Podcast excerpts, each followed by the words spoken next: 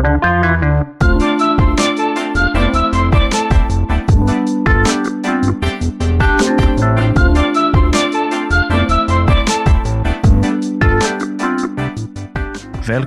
till det andra avsnittet av podden Nyfika.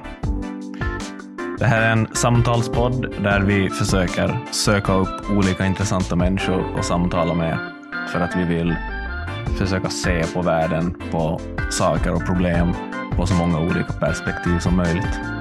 Så idag är jag glad att jag har med mig Rune Westergård. Hur ska man presentera dig? Du är teknikoptimist, företagare. Vill du tillägga någonting? Nej, det är, det är väl ganska bra beskrivning. Mm. Tack för att jag får vara med. Det är mycket roligt att du är här. Vi ska börja med att smaka på kaffe. Den här podden är alltså sponsrad av Frukt Coffee Roasters. Och det kaffe vi har idag är ett eh, kaffe från Guatemala, producerat av en farmare som heter Don Francisco. Det här kaffet hittar ni på fruktcoffeeroasters.com. Men eh, vi tar en och smakar. Mm, Ja, det är nice. bra. Beskrivningen har de som torkad frukt, kakao och brunt socker. Ah, Åtminstone om vi låter det svalna lite så tror jag att vi kommer känna några kakaotoner i det. mm. Känns nog faktiskt lite redan. Mm. En av orsakerna varför jag kom på att bjuda in dig till podden, så du skrivit en bok. Om ett jordklot räcker. Ja. Vill du berätta lite om bakgrunden? Varför kom du... Vad, vad drev dig till att skriva den här boken? Ja, jag har ju jobbat i ett teknikkonsultföretag, eller jag startade ett teknikkonsultföretag för Mm. på 80-talet, så jag jobbade med energifrågor och, miljötekniska lösningar och så länge. Och sen så har jag avrundat karriären för no, några år sedan. Och, i samband med det, då man fick tid och, och samtidigt börja eller föl- följde med den här miljö och klimatdebatten, så då tyckte jag att det var att jag hade någonting att, att säga. Så då skrev jag boken och framför allt så var det nog det att jag tycker att den här att se på det här klimatet som ett jättehot som, som skapar ångest hos ungdomar och barn. Så det, Mm. det var väl det som jag tyckte var lite too much, för mycket helt enkelt. Så jag skrev en bok då som pekar på lösningar istället för det här hot, hot, hot och elände. Mm. Så där har vi väl det kort sammanfattat. Ja. Det, det var en intressant bok att läsa. Orkar du läsa den till slut? Ehm, jag har inte läst, hunnit läsa det sista kapitlet tror jag. Okej, men det är ju godkänt i alla fall. Eh, men det var ju verkligen inte en tungläst bok. nej, nej, den är ju anpassad. Jo. Första versionen var ju dubbelt längre, men där tog redaktören Aha. frågade om jag ska försö försöka mig på en doktorsavhandling eller någonting som folk orkar läsa, så då skrotar vi hälften. Just det. Så, Det är väl en vanlig process i skrivande, att man får skrota ja, ja det är hälften. klart. Det är det som är konsten, att Mm. ta bort. Precis. Mm. Jag tror att jag vill börja kanske att prata om konsumtion. Ja, För det är ju en, en Mm. stor bit i, i boken. det har du Ja. uppfattat he helt riktigt. helt riktigt. Det går inte riktigt att missa. Ehm, så din huvudtes på något sätt i boken skulle kanske sammanfattas som att, som att bästa chansen vi har att lösa klimatproblemet genom teknik. Och eh, tekniken drivs framåt med hjälp av konsumtion. Mm. Så vi borde alltså konsumera mera och inte mindre, som många miljöaktivister vill få oss att dra ner på vår konsumtion och spara resurser. Um, men du har ju en helt annan vinkel. Ja, det där, det där, det där. Man, eh, man måste ju se på det här konsumtion på, på, det är liksom två olika sätt att se på det i alla fall.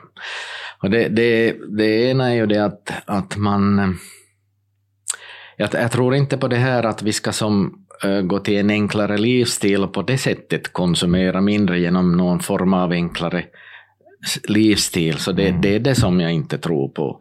Men däremot tycker jag det är onödigt att konsumera en, en himla massa bensin och diesel och, och elektricitet i onödan eftersom det finns bättre lösningar. Mm. Tekniska lösningar. Så det är det som är skillnaden. Där lite att hur man ser på det här med konsumtionsminskning. Konsumtionsminskning är bra om det inte liksom förutsätter att vi ska dra ner på levnadsstandarden, så kan man uttrycka det också. Mm. Och, eh, och så det där med att, att konsumtion driver utvecklingen, så det är ju ganska självklart så. Mm. Jag brukar ju ta de här mobiltelefonerna som, som exempel då när mobiltelefonerna kom på 80-talet och 90 och 80-talet så då kostade de ju flera månadslöner och vägde 5-6 kilogram. Och det var ju endast ett fåtal som hade råd med, mm. med mobiltelefoner. Men vartefter konsumtionen ökade så då, så då kom ju, så ökar ju också den här tekniska utvecklingen, resurserna till teknisk utveckling och framförallt massproduktion mm. som sänkte priserna. Så då att, att, att folk förfasar sig över att man byter mobiltelefon och bytte då mobiltelefon två, var, vartannat år eller så. så. Egentligen så är det ju tack vare den hysteriska konsumtionen, om vi säger så, som gör att idag så har nästan alla världens människor en mobiltelefon. Vilket har minskat fattigdomen mer än någonting annat kan man säga på de senaste 20-30 mm. åren. Det finns ju fantastiska exempel på vad mobiltelefoner kan användas till. Hur mycket som helst egentligen. Så det, det är ju ett superexempel på konsumtion är nyttig. Mm. Det blev ett långt svar. Men... Ja, det, det är bra. Vi, vi har tid för långa svar. Det är lite meningen med ett samtalsformat och inte en, mm. och inte en intervju. Uh, ja. Så vi kan sitta och samtala och det får bli långa svar. Men så din poäng med, med konsumtionen är då att vi borde göra vi ska inte helt och hållet avsluta konsumtion och försöka dra ner på den på alla sätt möjliga, Eh, men någon slags medveten konsumtion? Ja, medvetna val, det har jag mm. använt det ja. i, i, min bok. Till exempel, jag tycker ju det att, eh, att om man ska byta bil eller så och har, har ska vi säga, ekonomiska möjligheter, så då tycker jag att valet ska falla på den miljömässigt bästa bilen. Mm. Mm, exempelvis. Hur avgör man då vilken bil som är mest miljövänlig? ja, då, det, det, måste man ju sätta sig in i, vilken miljö, bil som är mest miljövänlig. Frågar du mig så är det ju elbilen naturligtvis, mm. eftersom jag har en sån själv så kanske. men, men eh, det finns ju andra alternativ förstås. Ja. Men, och så, det gäller ju nästan alla, alla saker som man köpen. Och tänker jag, då jag byggde hu hus här senast också, så, så tänkte jag ju också lite på miljön. In, inte bara på att spara pengar, utan också på mil miljön lite. Så nog finns det ju i smått och stort alltså möjligheter för var och en att, att tänka det här miljö, tänka på den här miljöaspekten mm. vid val. Men jag, tyck, jag tycker ändå inte att man ska börja överdriva det på något sätt. Nej. Utan eh, man köper det man behöver. Precis. Ja, men det, det, det var intressant för att först när jag tog i din bok och, och lite fick eh, uppfattningen om någorlunda liksom din poäng, så tänkte jag att okej, okay, så nu är liksom poängen då att man ska bara um, vi kan ungefär strunta i miljöfrågan och bara fortsätta leva som vi gör och konsumera som man gör och på något vis eh, den här konsumtionen kommer på något magiskt sätt automatiskt att driva fram miljövänliga lösningar. Eh, men det är ju, du är lite mer nyanserad än så. Ja, men det där som du säger så stämmer nog också, men det räcker inte till riktigt. Men, men om man ser till exempel på alla energikrävande produkter så har ju gått åt det hållet. Och alla materialkrävande produkter, mm. vad ska jag ta för exempel? Vi kan ta, vi kan ta förpackningar till exempel. Så vikten per förpackning har ju fallit med ja, 80-90 procent. Och eh, vi kan ta kylskåp till exempel. Så mm. där har ju energiförbrukningen bara på en 20-30 år har fallit med 90 procent. Utan, utan att någon så att säga har satt upp regelverk kring, mm. kring det hela. Ja. För det, det ger sig själv att, att jag, om jag ska välja, välja kylskåp så ser jag väl lite, lite på att hur mycket energi det drar och så vidare. Så att, mm. att den vägen, så, genom våra val, så, så leder det till, till, till mera ener, äh, ska säga, miljö, äh, miljövänliga produkter. Ja. Bil, bilarna till exempel, och, och bränsleförbrukningen. Och, och det sker ju automatiskt i och med ja. Att, ja. att det är ekonomiskt lönsamt för konsumenterna. Exakt. Precis, precis, precis. Att det är mer effektivt. Mm, precis. Uh, mm.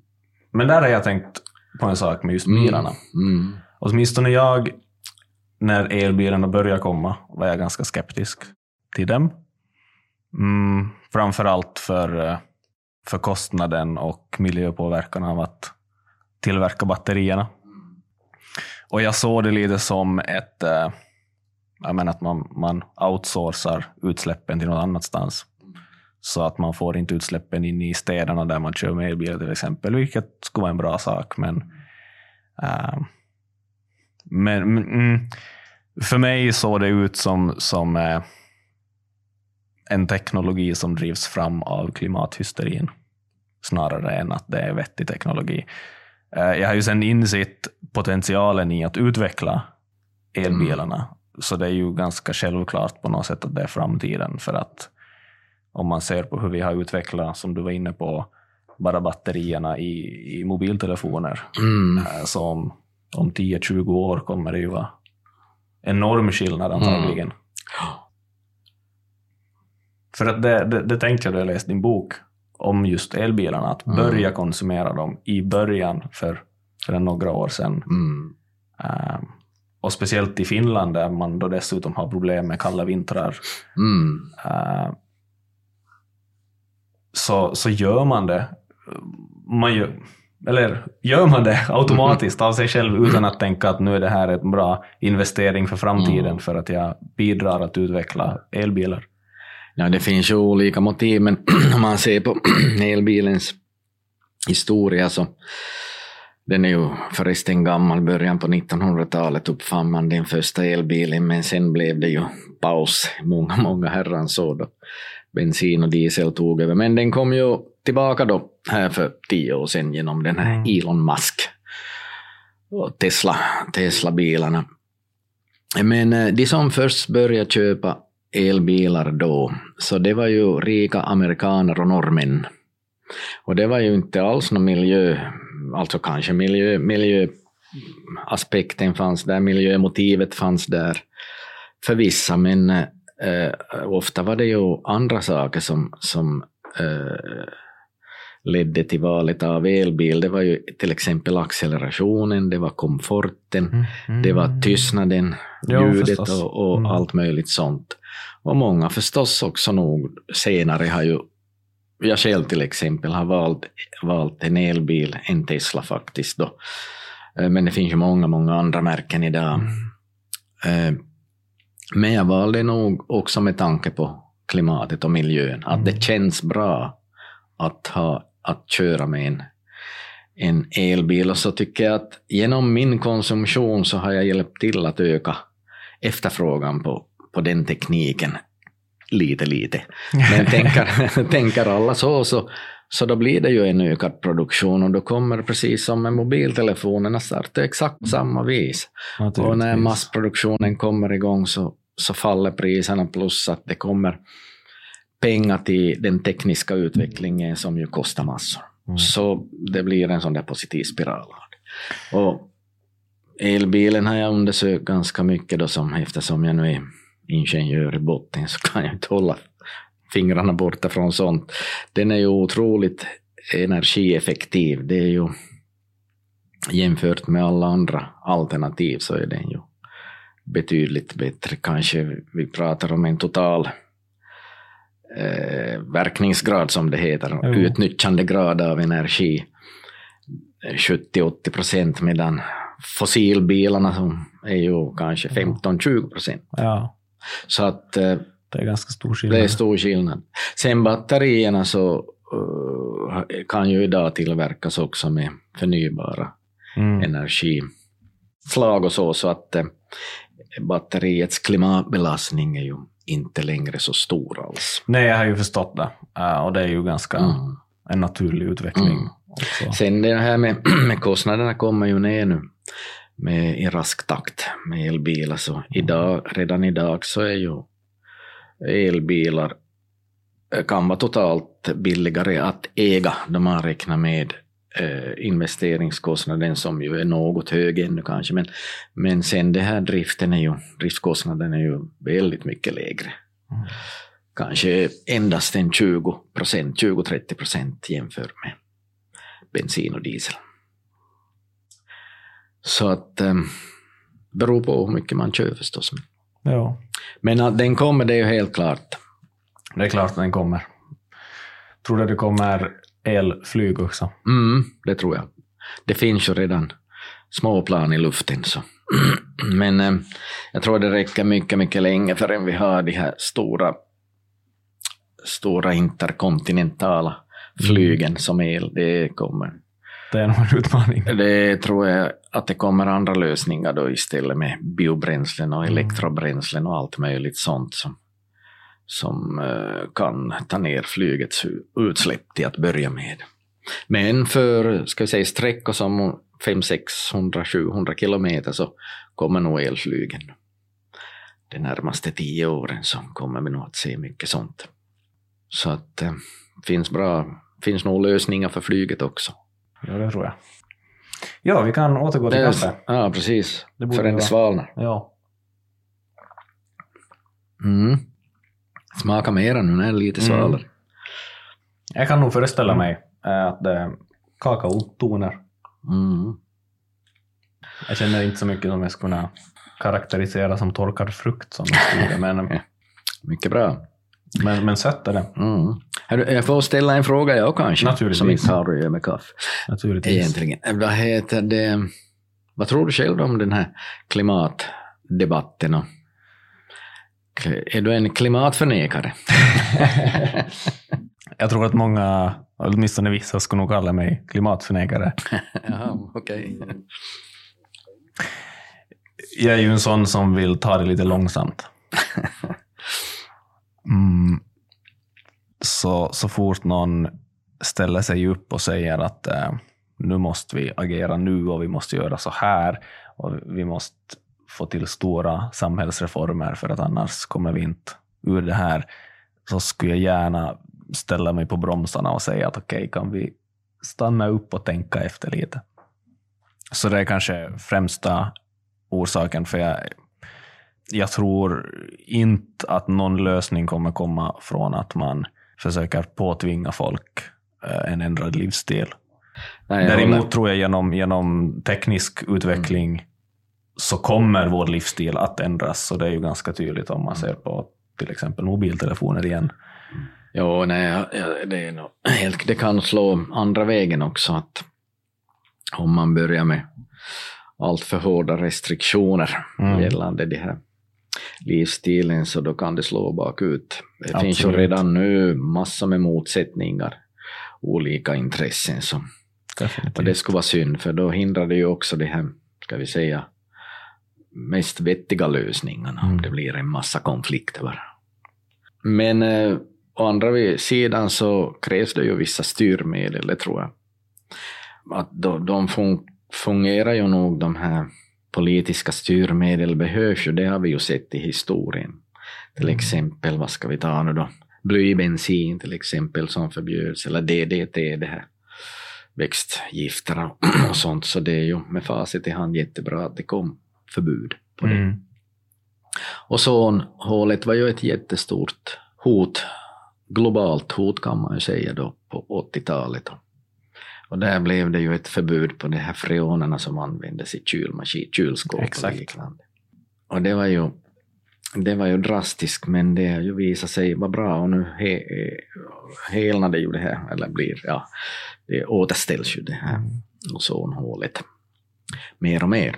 Så det, det är ju ett bra exempel på att man kan komma överens politiskt också, ibland. Ibland.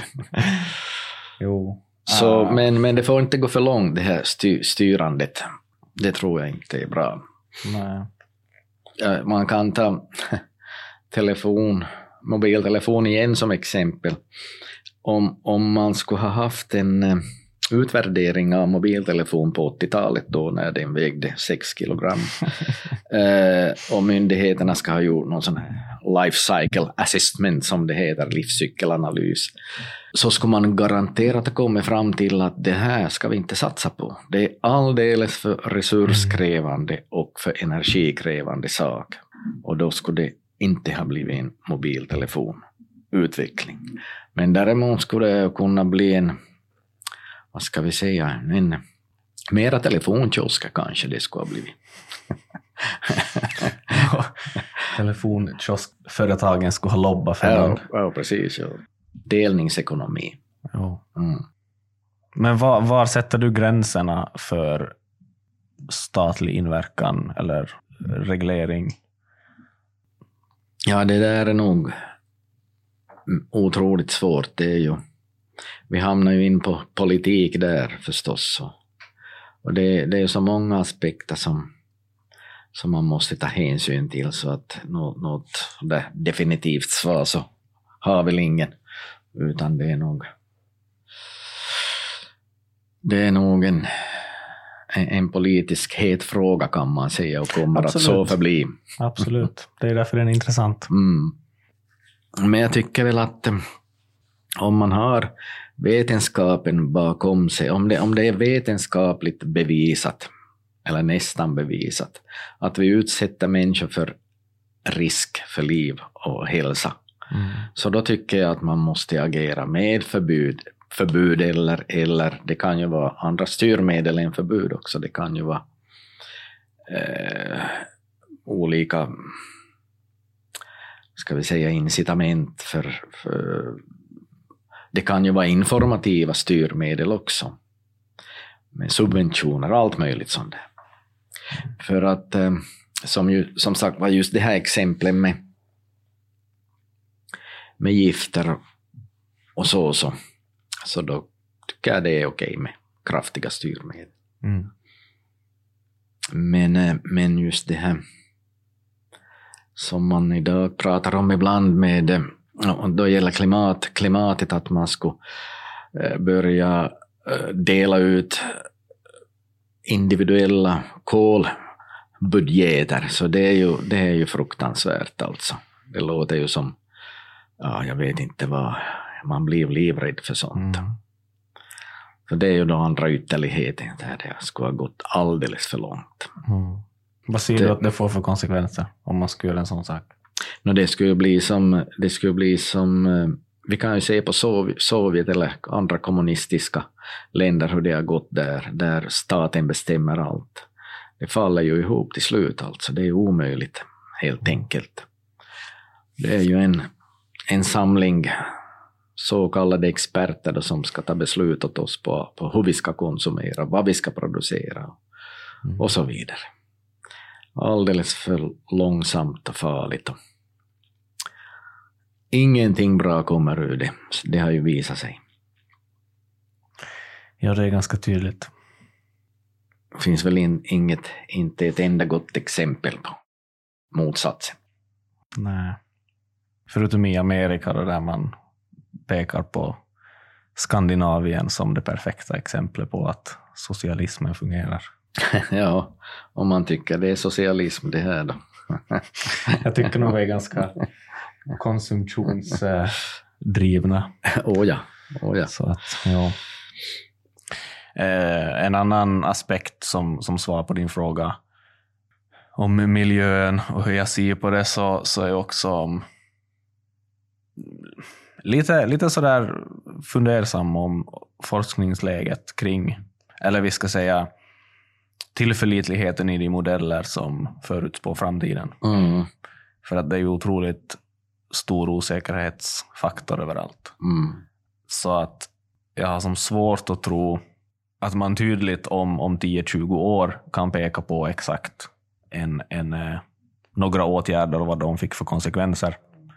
Uh, och, och, om då åtgärderna är otroligt kostsamma eller negativa på många saker så tror jag inte att det är värt det. Mm. Ja, det är ju en bra fråga, intressant fråga. Eller det var ganska många frågor egentligen Mm. där, eller funderingar. Men, men om man ser på forskningsläget så det finns ju två saker som vetenskapen nog i princip är helt överens om.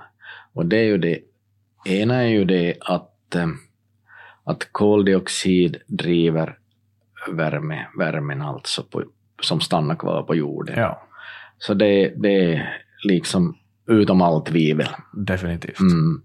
Och sen så en annan sak så är ju att vi har en uppvärmning nu jämfört med förindustriell tid som är Mm. ungefär en grad, lite mera.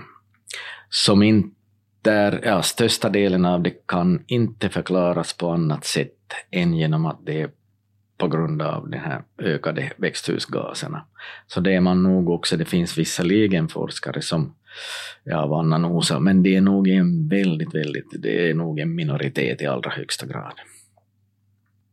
Och, och, så, och så vet vi ju nu då att det ökar och ökar den här eh, växthusgaserna i Mm. atmosfären. Så. Men sedan vad som händer om det till exempel fördubblas, den här växthusgaserna, ju, om, om det skulle fördubblas, så vad händer då? Eller om vi inte stoppar upp nu så småningom de här växthusgaserna, vad händer då?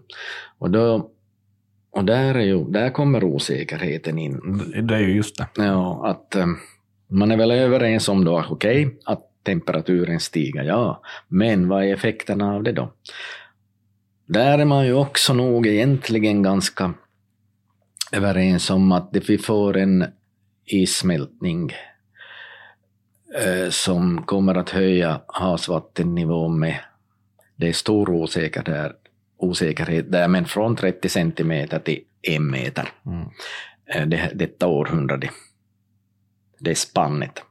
Och det är egentligen det som man är eh, mest orolig för nog. Mm. För att de här värmeböljor och stormar och så, det, det, det, det klarar man nog. Det har ju alltid funnits och så. så Och det vi är väldigt bra på att anpassa oss. Ja, precis det. Och det, det där är ju en, en, en viktig sak då som kommer in i bilden. Att här i, i norra, no, no, norra Europa så är det ju inga problem för oss egentligen, varken med vattenhöjning eller havsvattenhöjning eller, eller lite högre temp eller så. Det är liksom inget större problem. Men det kan ju bli i många, många fattiga länder. De är ju värst utsatta. Och där kommer också det här då med, med tillväxt, konsumtion och tillväxt in i bilden, för att tack vare det så kommer ju folk med de här länderna också ut ur fattigdom och får resurser att bygga barriärer för vatten eller klara eh, sådana här extrema vädersituationer och så, som räddar liv då. Så att eh, det, därför kan man ju inte heller stoppa världen liksom och lämna dem i, i, i sin fattigdom där. Nej. Man har ju inga resurser då att ta- Nej, ta till när det händer Precis. sådana här saker. Och det Så- har jag nog också tänkt på på många klimatprogram. Så känns det som att, att det skulle främst drabba just utvecklingsländer. Ja, eh, precis. Fattiga områden. Man ser ju, ser ju nu med den här covid-19 vad som händer där vi drar ner på konsumtionen. Det var en sak jag ville prata med dig om. Ja, alltså eh, både FN och, och Oxfam, vad heter det? Ja, Oxfam heter det väl, och som har ju studerat det där nu och sett att det redan nu så är det har extrem fattigdom ökat med 100 miljoner på grund av, av att vi inte handlar som förr. vi till exempel Bangladesh så där går kläd, klädjobbarna utan jobb för att vi har slutat mm. shoppa och så vidare och så vidare. Så att eh, det är liksom ingen, det är ingen lösning det här med att, att, eh, att konsumera mindre. Vi måste istället anpassa tekniken. Mm. För det är ju det som tekniker, eller ingenjör, så kan jag ju säga det att det är ju teknikens fel att vi har de här bekymren mm. med utsläpp. Eller hur? Det kommer ju från de här fossila bränslena i huvudsak. Så mm. visserligen också från eh, skogsavverkning och, och jordbruket på, på, på, sina ställen, men i huvudsak så skulle vi få bort de här fossila bränslena, så då har vi ju löst det här i mm. princip. Så att... Eh, så skulle man då vilja vara lite kritisk till det du säger, mm. så kunde man ju påpeka då att, att, jo, att vi har en teknik som har skapat de här problemen och nu föreslår du att vi löser de problemen med ny teknik, men vem kan riktigt förutsäga vilka problem den tekniken kommer skapa? Så kanske vi behöver lösa de problemen med ny teknik och så blir det bara ett lappverk där vi försöker, ungefär som att uh, man uh, behandlar biverkningarna från en medicin med en annan medicin och behöver en tredje mm. medicin och en fjärde medicin för att um, hur skulle du no. svara på en sån kritik? Det förekommer nog det här fenomenet som du beskriver. Det är helt klart att det gör det. Men eh, om man nu tar ett exempel att vi då stänger ner ett kolkraftverk och eh, startar en solanläggning, så har jag ju nog väldigt svårt att se vad som skulle vara, att det skulle bli ett värre problem av det. Det kan komma något problem det är klart, som vi inte känner till. Men då när det kommer, då måste vi lösa det då. Självklart, så är ju människan, det är ju så vi har gjort ända sedan vi var, levde på steppen och jagade jaga vilda djur eller, och så. Så att eh, det är ju en problemlösning hela tiden. Absolut. Och jag tror eh, jag, jag, ser det ganska tydligt som någon slags hierarki i problem. Så att de problem som vi har löst genom att nästan alla människor har bilar och kan ta sig till jobb lite längre och ha mycket bättre möjligheter att hitta ett jobb därmed och, och alla andra positiva effekter av bilar så är ett mycket grund, mer grundläggande problem Precis. Äh, än de eventuella konsekvenser vi mm. har av... Men nu är det ju samma med mediciner också. att att vi eh, ibland blir, upptäcker man ju att mediciner kan ge biverkningar som är mm. nästan lika hemska som själva sjukdomen. Och, och då, när det upptäcks så då sätts det ju in resurser på att hitta alternativa mediciner. Mm. Så har det ju gått och vi har ju, vi har ju en enormt positiv utveckling på det området kan man säga, med allt bättre mediciner, eller hur? Så att jag, det är liksom ingenting att skylla på tycker jag, att man kanske får ett labbverk, utan man får ta det problemet. Om det mm. uppstår nya problem, ja då löser vi dem. Så där vartefter. Så har ju människan klarat sig. Och vi har ju nu pratar vi ju väldigt mycket här tydligen om hot och klimat och, och så, men, men eh, man får ju inte glömma det här de här framstegen som vi har gjort, det har jag ju också skrivit om i min mm. bok. Det är ju otroligt, och det är ju så, är ju så mycket framsteg som vi egentligen inte tänker på idag, som är helt självklara med rent vatten och avlopp och varma hus. För naturen är ju grym egentligen. Mm. Och nu tänker jag inte bara på virusangrepp, utan på allt från köld till hett hetta och eh, jordbävningar och, och tsunamin, allt möjligt. Så, och så allt det här med i djurvärlden från stora djur som vill äta oss, det var kanske tidigare, men okej. Okay. Och så har vi då alla möjliga andra inälvsmaskar och malaria och, och allt vad de heter, bakterier och så, som vi ska försvara oss emot. Och det har vi ju lyckats otroligt bra med idag. Svält på grund av gräshoppor och allt möjligt har också varit stora problem en gång i tiden. Men idag har vi ju faktiskt en, fått ner världssvälten och extrem fattigdom till under 10 procent från att ha varit på 70-talet över 50 procent av Mm. världens befolkning. Bara ett exempel. Det, det är otroligt. Mm. finns så mycket som helst av framsteg om man börjar Mm. se på dem. Jo, det var mycket i din bok som påminner om eh, Mm. Hans Roslings anda. Precis. Eller Steven Pinker är också en som Mm. beskrivit framsteg mycket bra.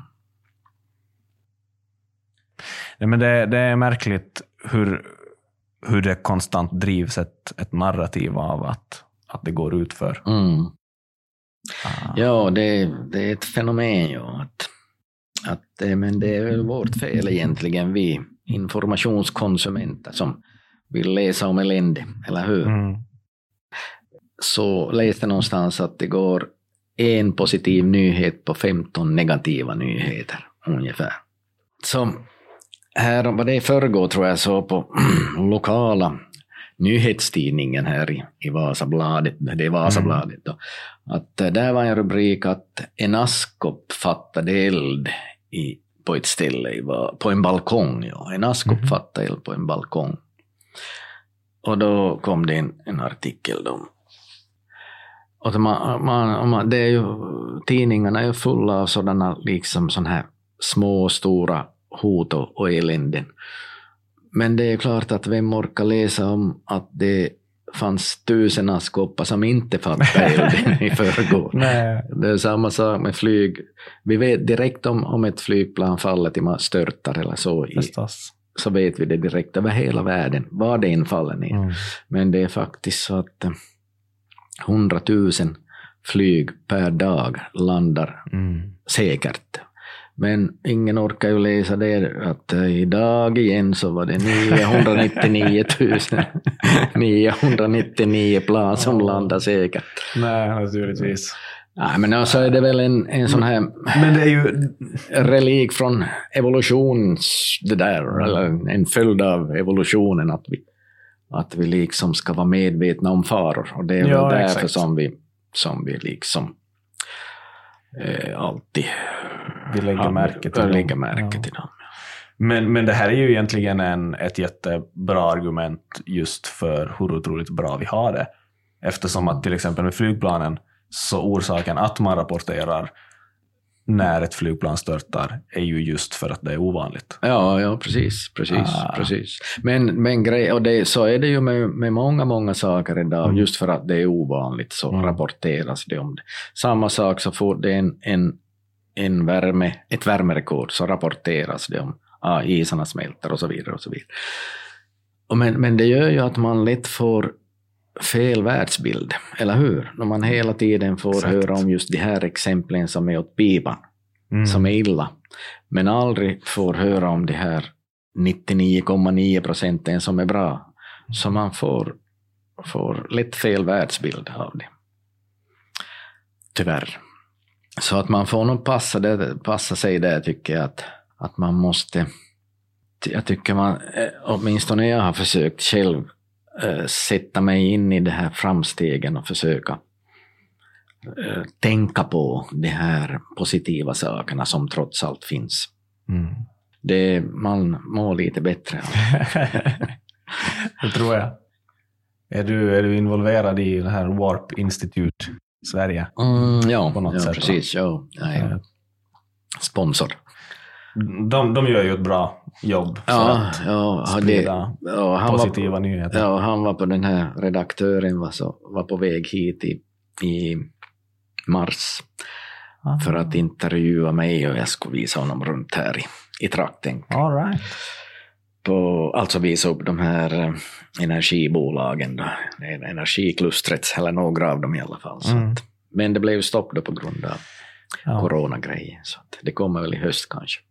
Om vi vågar ta hit svenskar i år överhuvudtaget. Vi får Ja. se. Förhoppningsvis. Förhoppningsvis, ja. Mm. Ja, var det några andra sådana där frågor som du har funderat på, eller börjar vi ha avverka en timme? Vi är 45 minuter ännu. Ja, ja okej, okay. men då, då hinner vi väl fundera vidare på någonting. Vill du ha mera kaffe? Nej tack, det är bra. Jag ska inte dricka allt för mycket av den här sorten. Även om det är bra, men, men kaffe överhuvudtaget så. Ja. jag, jag kan nog ställa en fråga, ja.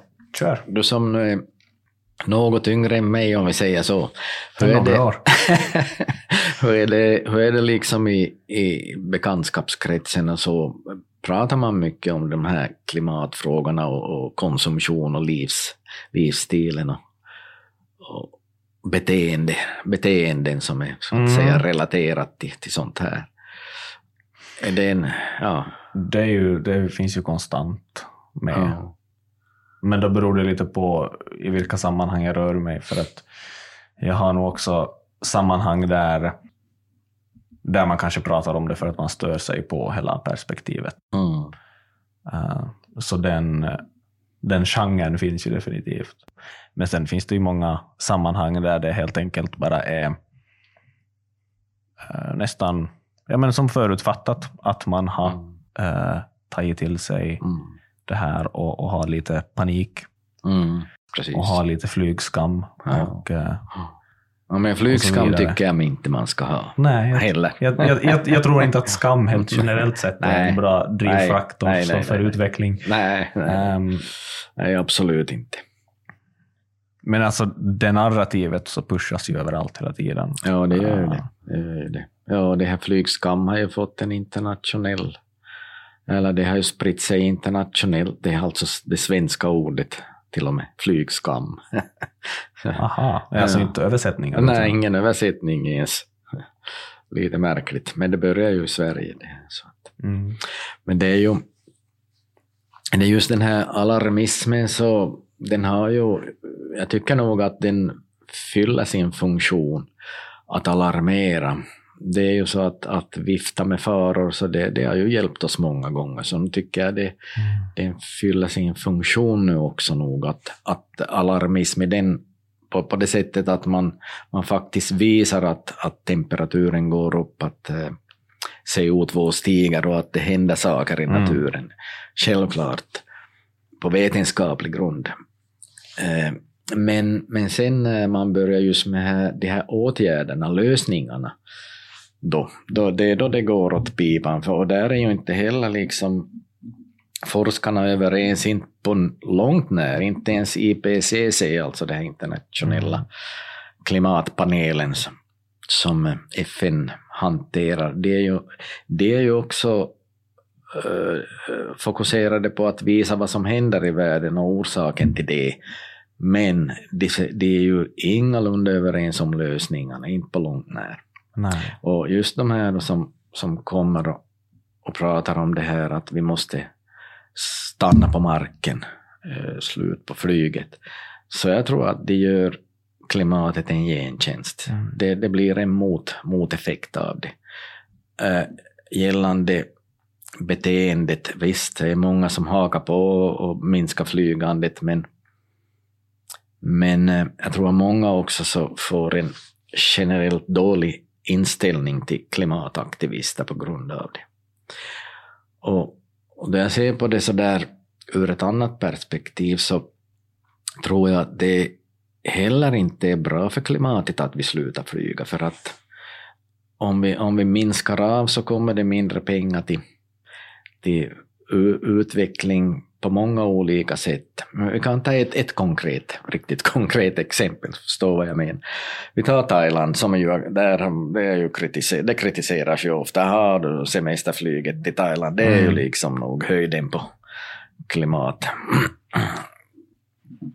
på då, dåligt klimatuppförande. Mm. Men eh, i Thailand så har man ungefär 50 miljoner fordon på vägarna som går på bensin och diesel. Man, driver sin, man har producerar elektricitet eh, till över 80 procent med fossila bränslen. Mm. Och, och de lever på turism långt, väldigt långt på turismen. som måste ha flyg för att komma dit. Och jag tror det att, att genom att det nu kontinuerligt ökar sin levnadsstandard tack vare turismen, så, så kommer man att byta bilar och byta, byta energiproduktionssätt de, vartefter man får råd, som gör att man säkert släpper ut mindre eh, växthusgaser genom det än det som flyget till Thailand har förorsakat. Mm. Och, men, men det, här, det här är ju sånt som, plus att det här ökade levnadsstandarden möjliggör för thailändarna att, att sköta sin eh, lokala miljö på ett betydligt bättre sätt, mm. alltså avfallshantering, vattenrening och allt möjligt mm. sånt. Så att sammantaget, så det, det, finns absolut ingen studie i världen som visar att, att nettoutsläppen i världen skulle minska om vi skulle ta bort flyget. Finns inte. Nej. Finns ingen sån. Och jag tror inte att det kommer att, att visa sig om man ska räkna på det, att det är någon idé med det. Utan lösningen är nog att, eh, att eh, minska flygets utsläpp, inte mm. att minska flygandet. Det är en mm. viss skillnad. Det är en stor skillnad. Det är en stor skillnad. Ja, och speciellt om man vill lyfta den fattigare befolkningen ur fattigdom. Exakt. Och det finns ju massor med länder i världen som, jag tror är över, över 30 länder i världen som lever på turism kan man säga. Och att vi ska nog börja ta bort det liksom, det är ju, det är ju, i så fall borde vi ju samtidigt ge dem någon ersättande inkomst, annars är det ju katastrof. Mm.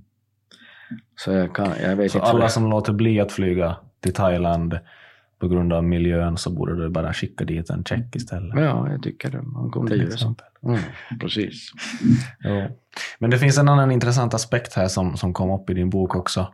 Om att då när, eh, när då Thailand till exempel får en bättre ekonomi och bättre levnadsstandard och de börjar konsumera, mm. så då har det varit på, på vårt ansvar att se till att det finns utvecklad bra teknik som man kan importera eller som, mm. som de kan ta åt sig. Mm. Så att när, när befolkningen där köper bilar um, så har de bilar med låga utsläpp ja. tillgängliga ja. för att utan var. Mm. Så jag tyckte det var, en, det var på något vis en, en ny tanke för sådär, eh, vad gäller ansvar och, eh, ja. och skuld ja. för, för, för i-länderna. Ja, ja ky, kylskåpen är ju, då var ju kanske inte så medveten om de här frågorna på, på 90-talet, du, du själv, men, men då var jag... var väldigt omedveten då, ja. ja.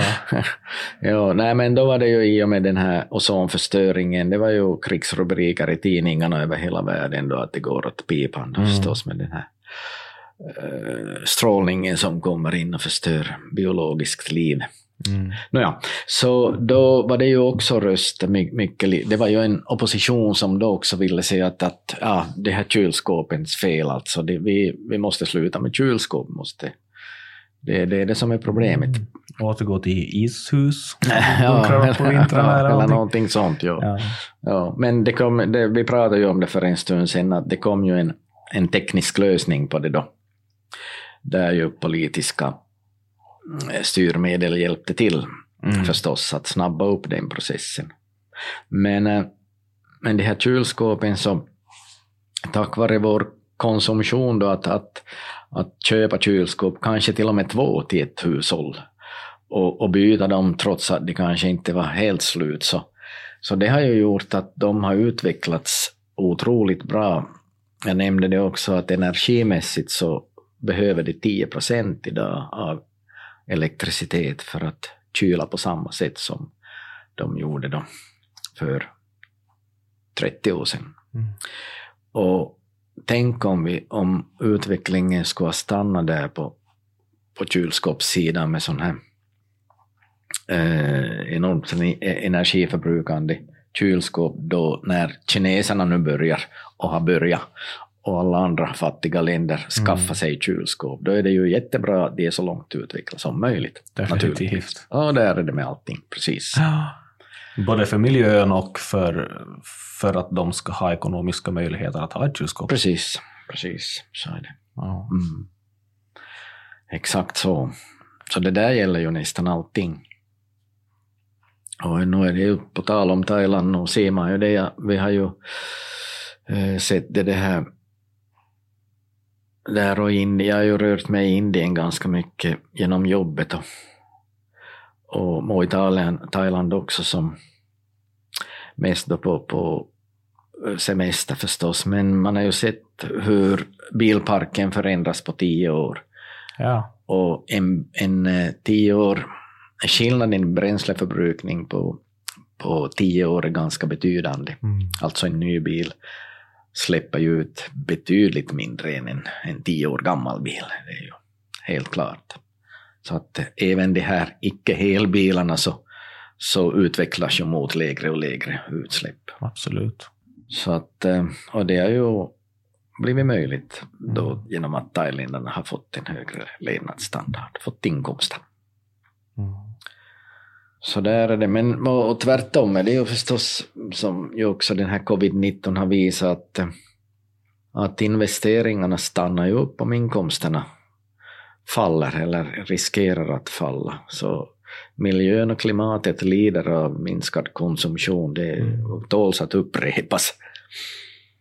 Det är ju bara att gå till dig själv om du, om, om du är rädd för att du inte har ett jobb i framtiden eller om, om ett år eller ett halvår.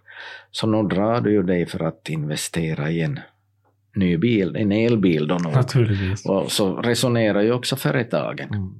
Man kanske inte äh, bygger om sin industriprocess för 100 miljoner eftersom det är väldigt osäkert hur det blir. Och så. så att, och, och speciellt då flygflottan som ju Eh, eller ja, det är nu ett exempel jag börjar tänka på för att det har pratats om i samband ja, med Jag läste just COVID. en, en artikel om, om det att, eh, att det finns ju en, en eh, internationell FN-baserad organisation som heter ICAO, ICAO, mm -hmm. som har har börjat hantera det här med fly, flygets utsläpp och de flesta av världens flygbolag har förbundit sig då att, att börja minska. Och nu ska man ju börja ett program med sån här klimatkompensationsprogram för flyget från 2020.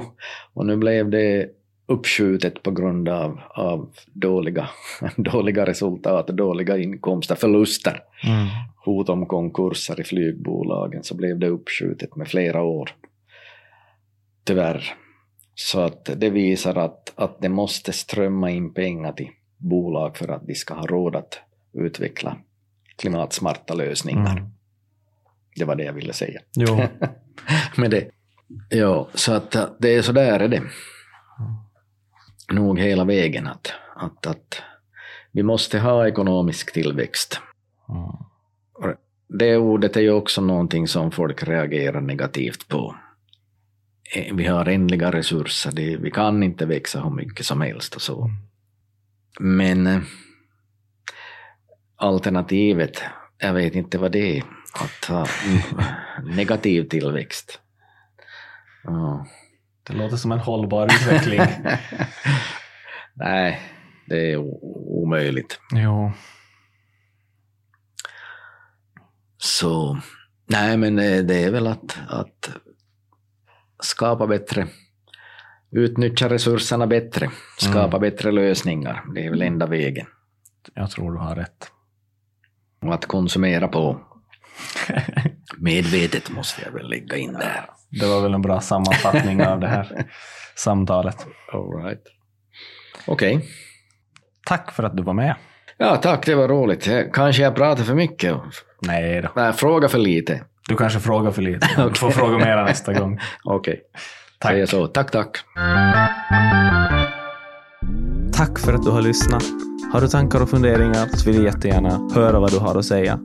Så kommentera i kommentarsfälten eller skicka ett PM eller skriv ett mail. Det finns länkar till Instagram och det finns kontaktinformation i beskrivningen. Du får också jättegärna gå in och följa podden på Instagram och har du tips på vem man borde bjuda in till podden så hör av er. Jag vill veta vem ni vill att jag ska samtala med. Du har lyssnat på Nyfika.